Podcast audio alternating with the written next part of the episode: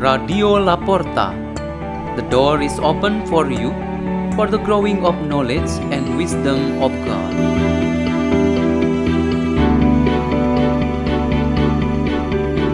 Delivered by Simona Surya and Theodorus Kevi from St. Peter's School in Jakarta, Indonesia.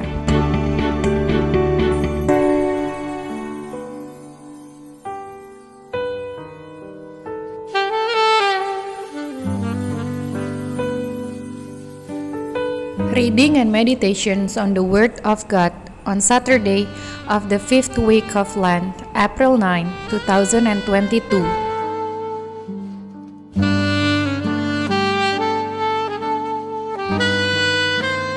The reading is taken from the Holy Gospel according to John chapter 11 verse 45 to 56.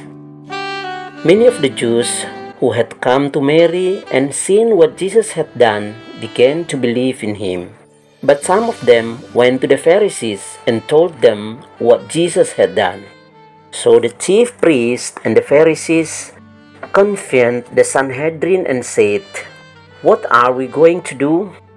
This man is performing many signs. If we leave him alone, all will believe in him, and the Romans will come and take away both our land and our nation. But one of them, Caiaphas, who was high priest that year, said to them, You know nothing, nor do you consider that it's better for you that one man should die instead of the people, so that the whole nation may not perish. He did not say this on his own, but since he was high priest for the year, he prophesied that Jesus was going to die for the nation, and not only for the nation, but also to gather into one dispersed children of God.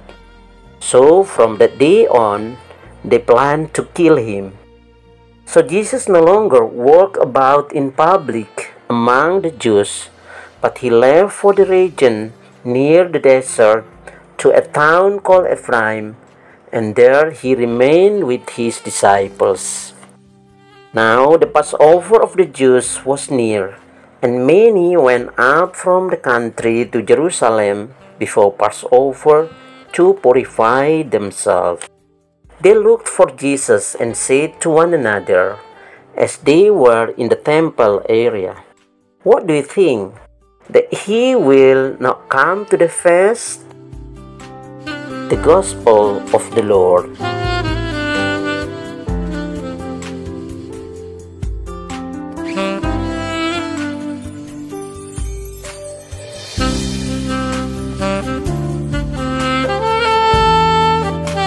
Our meditation today has the theme Agreement. There is a story about heaven and earth that always fight each other. Quarrels are their daily meal. Small things, trivial matters, simple problems often trigger their emotion to dispute and fight. When the sky sends too much rain, the earth protests. Likewise, when the earth sends too much steam up, the sky protests. Whatever small thing in their conversation can become the reason to fight. But at some particular times, and if it is necessary, they both agree to work together.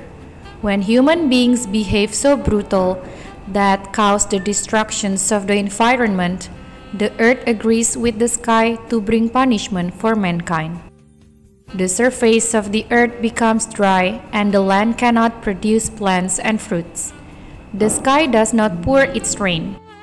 But when human beings take care and safeguard well the earth and its environment, the earth agrees with the sky, providing fertility and warmth for human life and all the living creatures.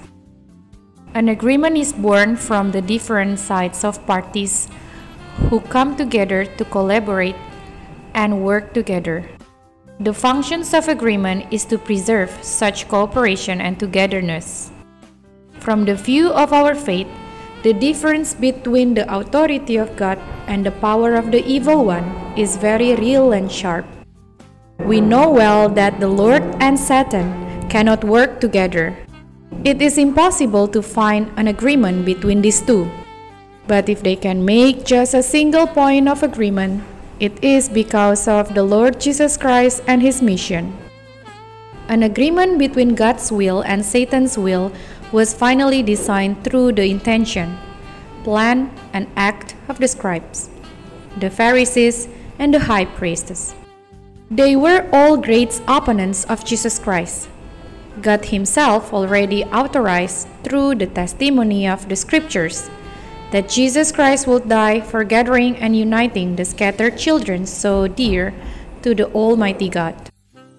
The same view also came from the high priest Caiaphas, who prophesied that Jesus of Nazareth would die to gather and unite the scattered children of Israel. This agreement had to happen so that Judas Iscariot, after being possessed by the Satan, was able to carry out his duties.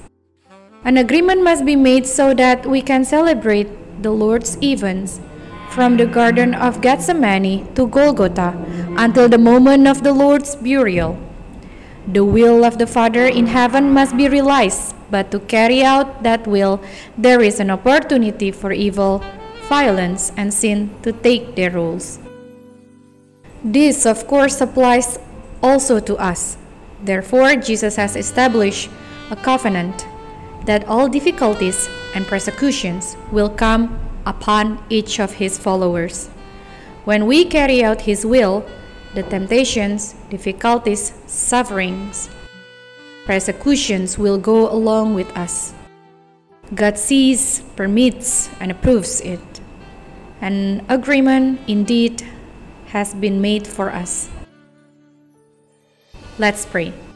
In the name of the Father, and of the Son, and of the Holy Spirit, Amen. O Lord, may we continue to follow the model of Jesus Christ when we face all the sufferings in life. Glory be to the Father, and to the Son, and to the Holy Spirit, as it was in the beginning, is now, and ever shall be, world without end. Amen. In the name of the Father, and of the Son, and of the Holy Spirit. Amen. Radio La Porta. The door is open for you.